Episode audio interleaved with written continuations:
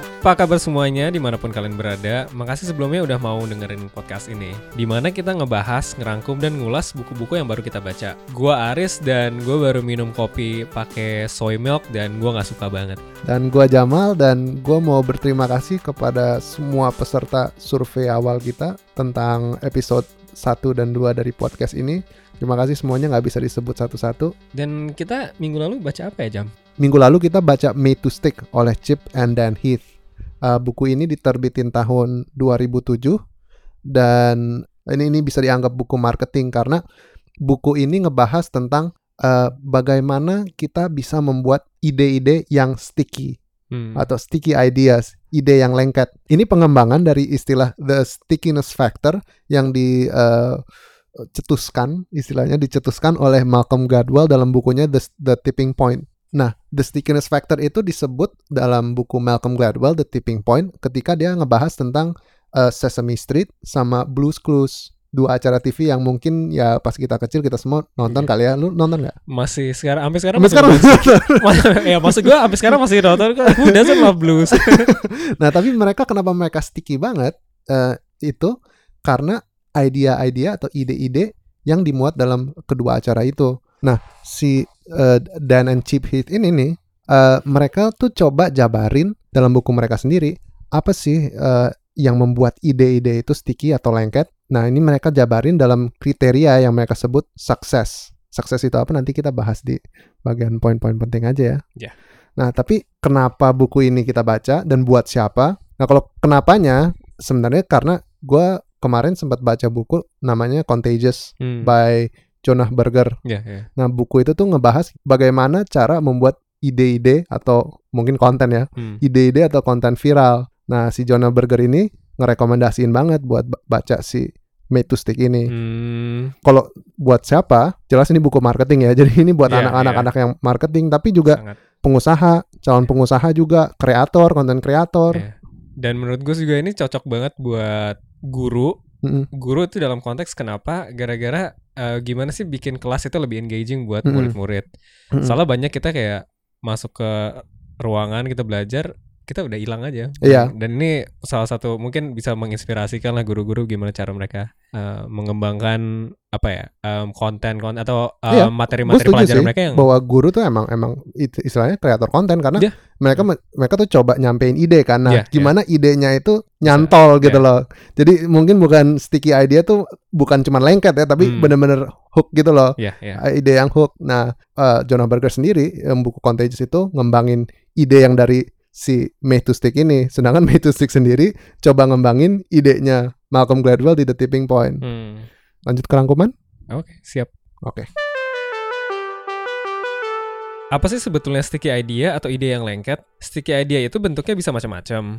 Bisa peribahasa, legenda, mitologi, iklan, slogan, kampanye, produk, bahkan kalau zaman sekarang banyak yang kita tahu itu internet memes. Contohnya, siapa yang nggak tahu peribahasa ada udang di balik batu? Lu tahu nggak, Riz? Pernah denger dong? Kalau tong kosong bunyinya nyaring, Oh sering dong, sering dipakai enggak sih enggak pernah dipakai artinya apa sebetulnya? Banyak baca. Banyak ngomong. banyak ngomong. Nah, makanya peribahasa bahkan bisa dianggap bentuk idea yang paling sticky karena sifatnya turun-temurun dari generasi ke generasi. Tapi apa sih yang ngebuat peribahasa sticky? Jawabannya, pertama, bentuknya sederhana, yaitu dalam bentuk kalimat singkat. Dan kedua, kalimatnya langsung nyentuh inti idenya, yaitu hikmah atau wisdom generasi sebelumnya yang ditarik dari pengalaman hidup mereka dan masih bermakna di kehidupan kita sekarang. Nah, menurut para penulis Made to Stick, semua sticky idea itu setidaknya memenuhi beberapa dari enam kriteria yang mereka sebut sukses, yaitu singkatan dari simple, unexpected, concrete, credible, emotional, story, atau cerita yang sederhana, tak terduga, nyata, dapat dipercaya, dan menyentuh perasaan. Pertama, sticky idea harus simple, yaitu mudah dipahami audiens kita. Ini nggak berarti sebuah ide harus diperbodoh atau dibuat sesingkat-singkatnya. Ide yang simple adalah ide yang telah dikupas sehingga kita menemukan intinya. Menemukan inti sebuah ide kedengarannya mudah, tapi setiap orang pasti bakal berhadapan dengan dua musuh besar, yaitu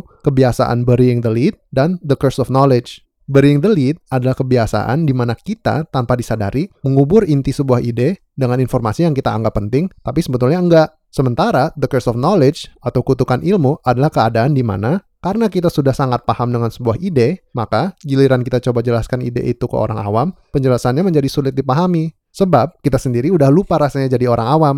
The Curse of Knowledge ini tapi bisa kita lawan dengan memberdayakan konsep-konsep umum yang udah tertanam di ingatan audiens kita yang dinamakan skema. Skema ini timbul ketika kita menggunakan analogi atau perbandingan untuk menjelaskan ide kita. Nah, analogi itu sebenarnya sering banget dipakai uh, buat pitching ide. Kayak misalkan pitching ide film atau bahkan pitching ide buat produk ya atau atau company atau atau bisnis kayak kita bakal bilang uh, gue pengen bikin uh, YouTube buat audio orang kan tahu YouTube itu apa mereka juga tahu audio itu apa jadi misalkan kayak gue mau ceritain Spotify itu apa sih hmm. coba Spotify itu apa tuh YouTube buat dari YouTube yang audio. Wah oh, gila, nyambung banget nih kita.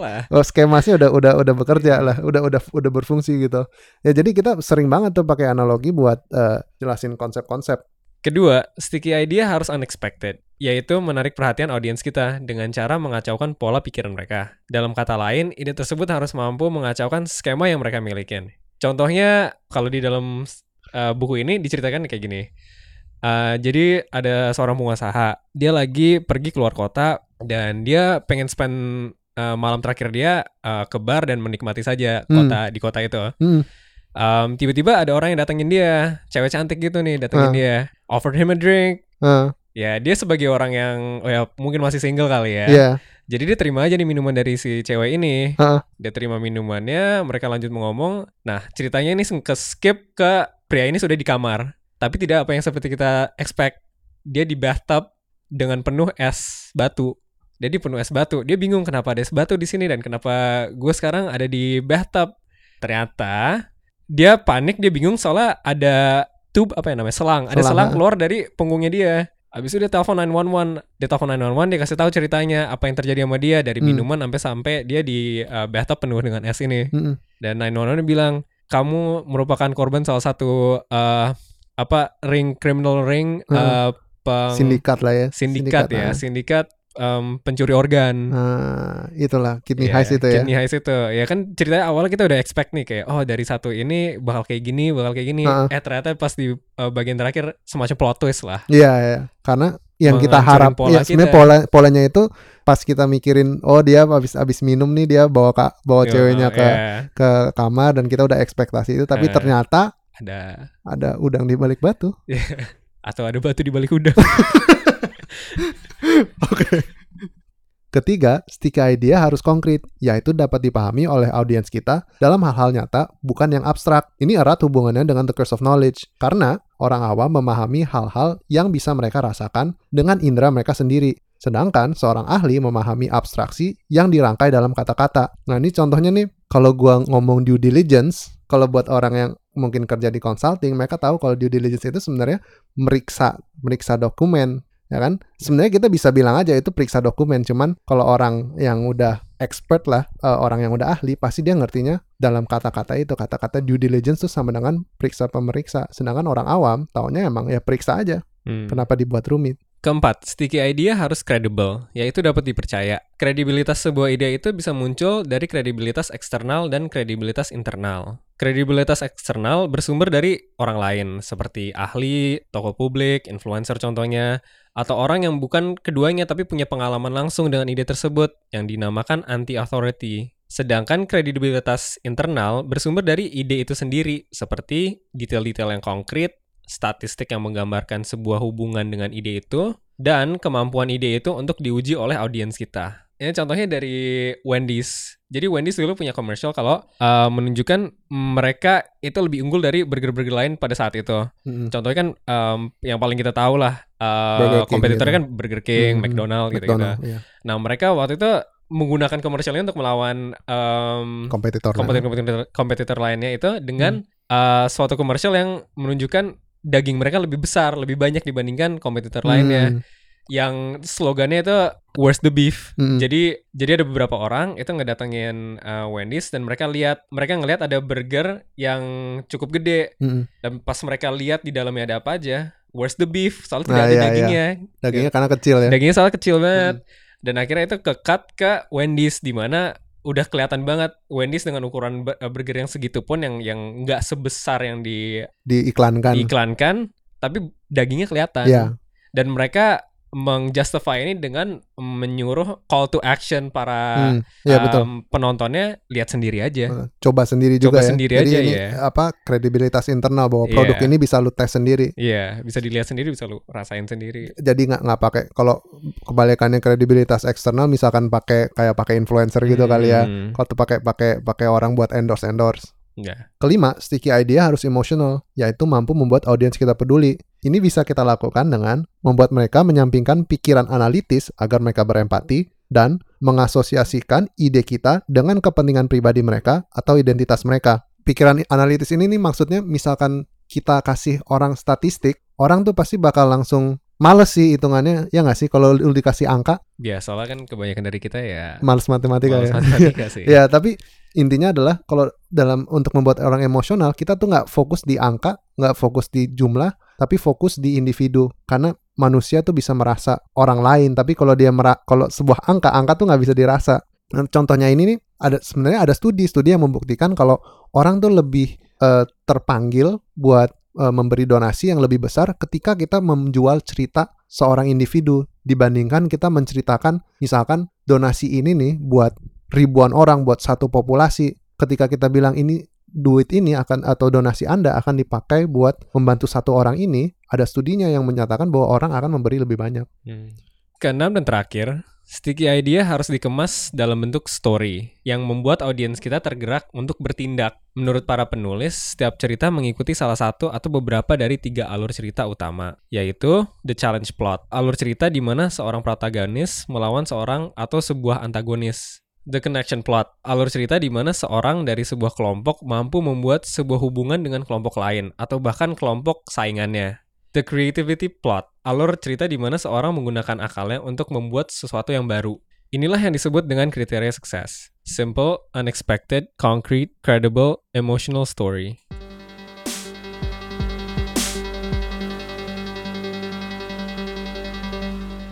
Jadi kan jam kita barusan ngerangkum ah. bukunya. Iya. Sekarang kita coba bahas tentang poin-poin pentingnya. Oke lah ya. poin penting sebenarnya ngikutin alur kriterianya itu kan suksesnya itu Suksesnya oke itu, ya. so we'll start with poin pertama tuh apa tuh Eh, poin pertama dari S kan, simple, Simple. atau sederhana ya. sederhana Nah, oke Ya, ini, ini salah satu contoh yang yang mungkin gue suka juga sih. coba ceritain Riz Eh, jadi eh, Southwest Airline itu ini airline di Amerika. Mm-mm. jadi ya mungkin kita nggak pernah dengar. ini salah satu uh, airline yang paling populer di, Di Amerika, Amerika, ya. ya sampai sekarang. mungkin Oke.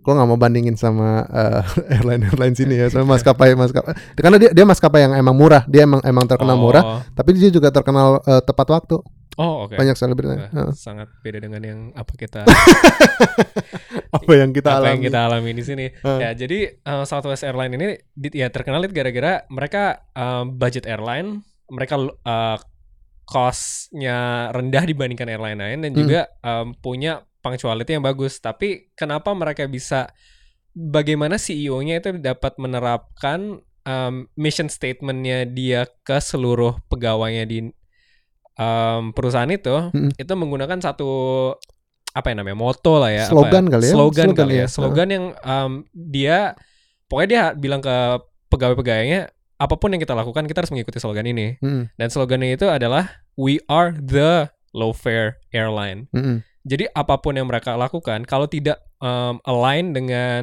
sesuai gitu slogan ya ini Heeh. lebih baik tidak dilakukan ya Contohnya ya ada waktu itu kalau nggak salah eh, diceritakan oleh em, di Me to Stack em, salah satu eh, apa ya mungkin business development apa pokoknya bagian apanya Ya. mengsuggest Oh, kalau Eh, enggak eh, itu pramugari pramugarinya pramugari, ya, ya. pramugarinya mengsuggest em, kita em, apa di rute ini kita ngasih mereka eh, chicken salad nah chicken salad nah eh, dibalikin katanya lagi soalnya menurut dia nanti itu bisa membuat uh, flight experience-nya lebih lebih bagus lebih lagi seru ya. Eh, ya, ha. Cuman abis itu di, uh, ditanya balik lagi, apakah itu uh, sesuai dengan slogan yang kita berikan? We are the low fare airline. Mm. The itu emfasisnya adalah bahwa kita the. adalah sat, kita adalah low fare airline itu kalau istilah marketing top of mind-nya ya. Ya, Top, of, mind, mind-nya. itu itu uh, mereka adalah airline yang ketika uh, lu mikir low fare, lu mikir si Southwest, Airlines. Southwest Airline, ya. Heeh. Ya, jadi dari situ dia um, akhirnya itu tidak dijalankan karena dengan memberikan Caesar salad itu atau uh, chicken salad itu itu tidak em, tidak satu visi lah dengan slogan yang telah diberikan oleh CEO. dengan core idea-nya Core idea awal core itu, idea mereka iya. termuat dalam slogan We Iya. are the low fare We are the airline. low fare airline. Poin kedua dari sukses yang U-nya itu unexpected atau apa yang tidak diduga. Mm-mm. Em, contohnya yang yang gue beriin pas di em, Rangkuman. summer era ram- rangkuman kita tentang the kidney heist. Hmm. Nah, em, contoh yang mereka sebut tuh eh, ini ini mungkin yang paling mudah, cuman eh, dari dari dari nyata mereka tuh ngomongin tentang si eh, ada sebuah eh, flight di mana kita kan buat yang yang sering traveling lah pasti tahu banget eh, flight safety announcement atau eh, demonstrasi keamanan penerbangan lah. Ya. Itu kalau nggak salah istilah resminya. Itu iya, biasanya kan sebelum kita terbang pasti pramugarinya eh, demonstrasi atau peragain iya. eh, tentang eh, exitnya di mana dan Iya. kalau misalkan ada eh, turbulence bagaimana dan ke- pas keluar selang-selang segala macam itu kan Iya.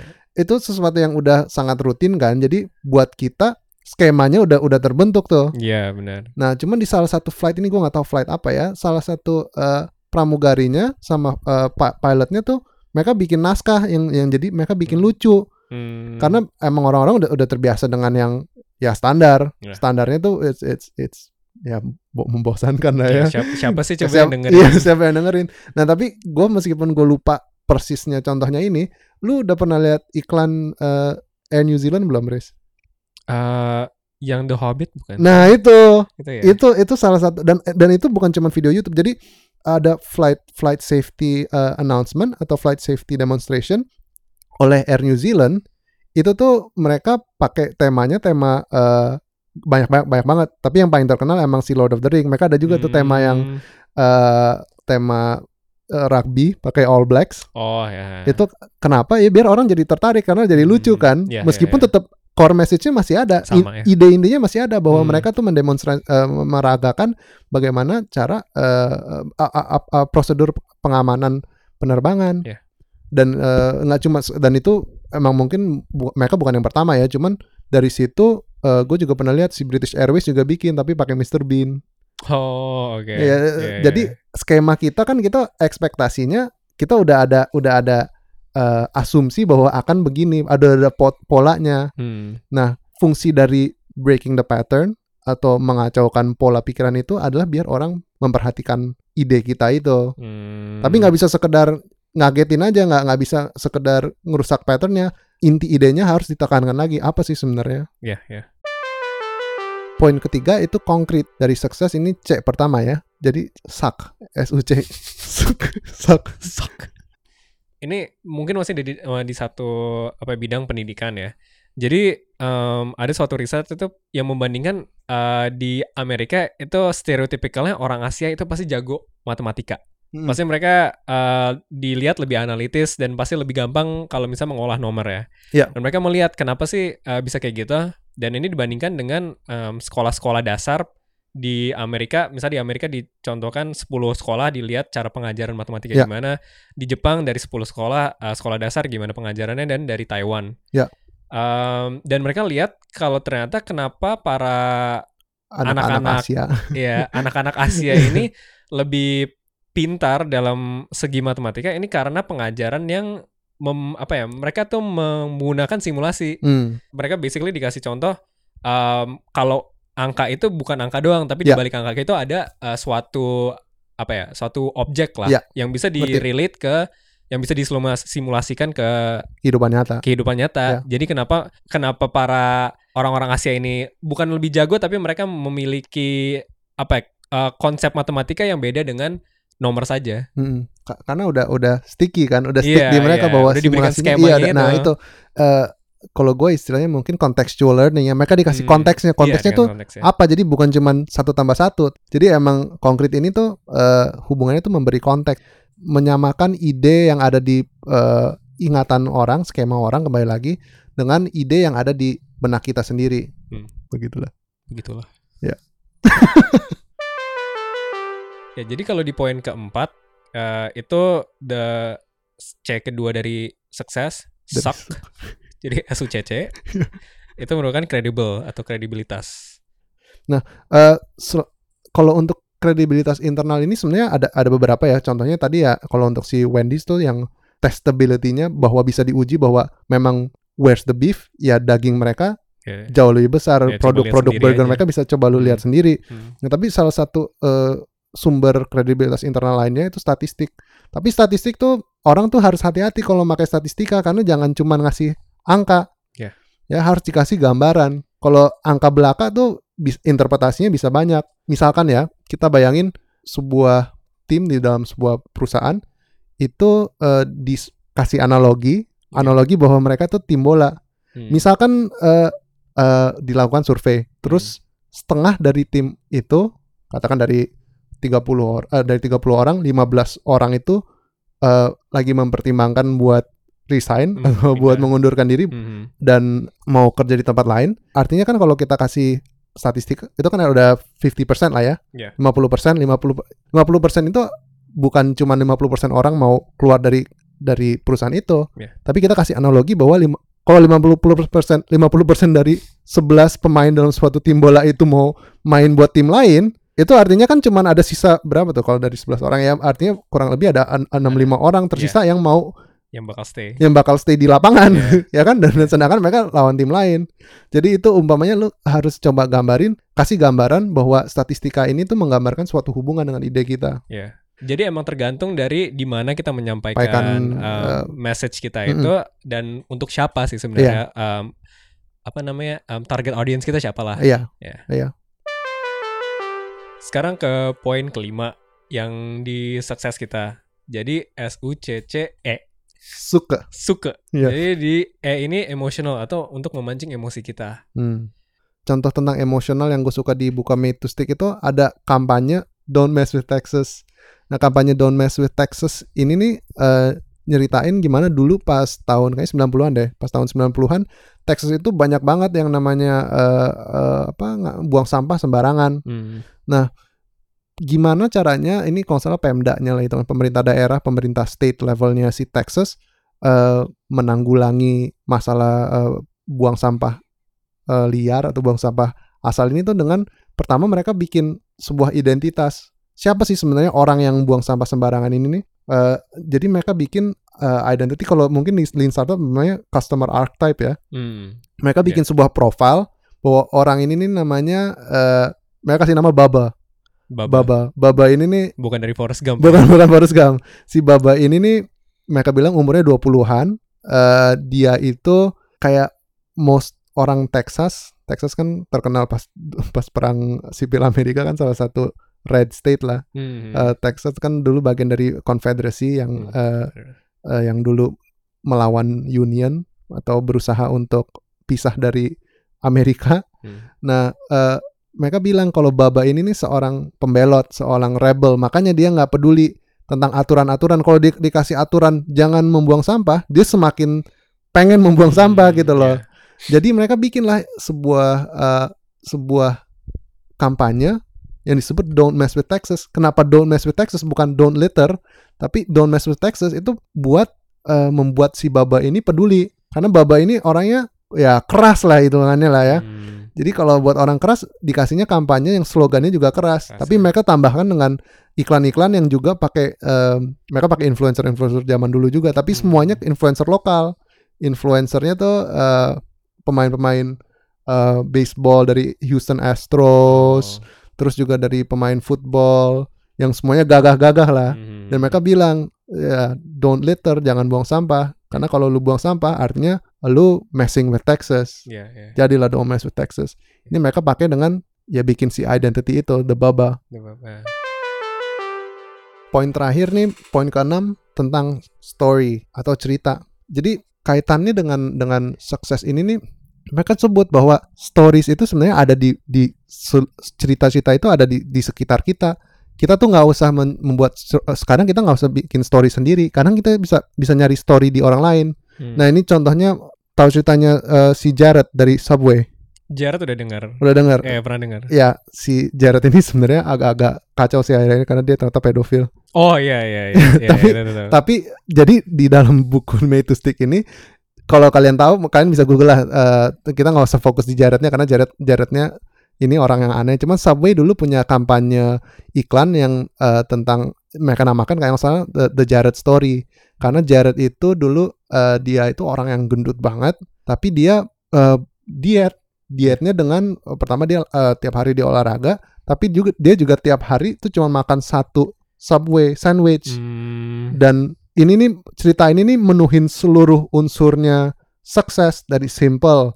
Simpelnya itu eh, pertama ini ini eh, mungkin istilahnya challenge plot ya karena Ya, ya. ini ini alur cerita di mana seorang si Jared ini melawan kegendu- kegendutan ya atau melawan ketidaksehatannya dia lah ya. Jadi Ketidaksehatan, ketidaksehatannya dia. Jadi eh, simple, ya betul. Unexpected, mungkin unexpectednya adalah bahwa dia tuh ternyata pakai eh, makan subway. Bahwa makan subway itu Oh ya. unexpected ya, mungkin buat orang-orang bahwa Hmm. dia makan subway ternyata bisa ngurangin berat badan. Mhm. Eh, konkret jelas bisa dikasih lihat konkretnya karena eh, kalau pernah lihat cut out apa tuh papa, eh, kayak iklan-iklan apa sih namanya kalau cut out Indonesianya? Hmm. spanduk bukan spanduk lah tapi pokoknya du- banyak poster sama ada foto-foto di di subway dulu ya apalagi tahun 2000-an Aha. itu ngasih lihat si Jarud Oh, ba- eh, iya cana cana lamanya cana ya? cana Iya, iya. cana pas dia masih gendut gendut ya. itu dia dia dia dia display gitu loh Iya. dan itu gede banget Iya. jadi orang bisa bisa paham lah Eh, credible ini dia pakai pakai anti authority ya Iya. karena an- jelas anti authority karena eh, ini bukan seorang ahli Iya. bukan dan juga bukan eh, seorang Hanya orang awam aja Iya dia. orang awam jadi Iya. bukan influencer juga, Hmm. tapi dia orang yang punya pengalaman langsung, Iya.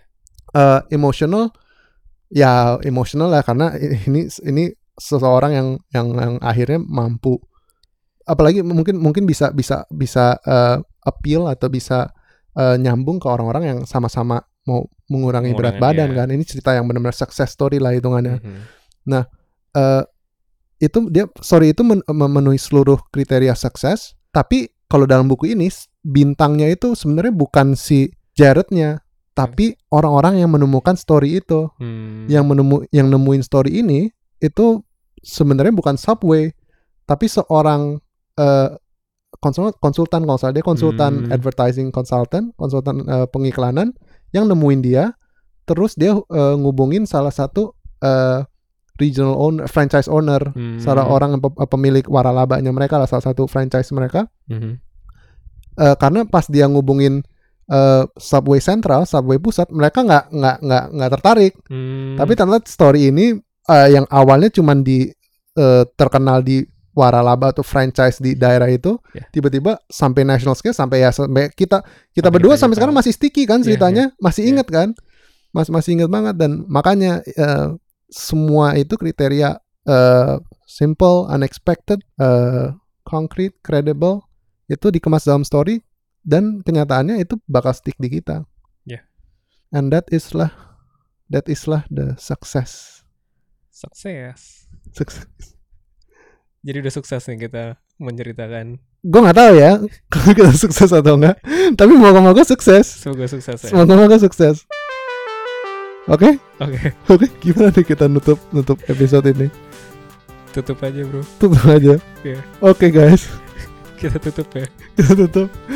Terima kasih udah dengerin uh, podcast ini. Uh, semoga bisa berjumpa kembali di episode berikutnya. Ini kita kita kemarin dapat usulan harus ada call to action nih. Eh, call to action gimana nih? Riz? Suruh follow follow sos medsos kita kali ya. Oh iya dong. Oh, ya, Oke. oke. guys eh, terima kasih udah dengerin Eh, follow kita di Instagram Instagram kita kita baru set up Iya. setelah kita udah ngeluarin episode 1 dan 2 tolong follow di Instagram eh, at baca buka apa podcast ya di Instagram belum di post apa-apa sih cuman kalau kalian mau DM DM-an atau misalkan mau eh, mau cari follower kita follow back lah kali ya mau kasih nggak nggak jangan kasih follow back ya follow back min- minta minta mereka follow Spotify kita dulu kali Oh ya iya dong. Iya, kita follow bisa- Spotify kita ya. Iya. Oke guys, thank you.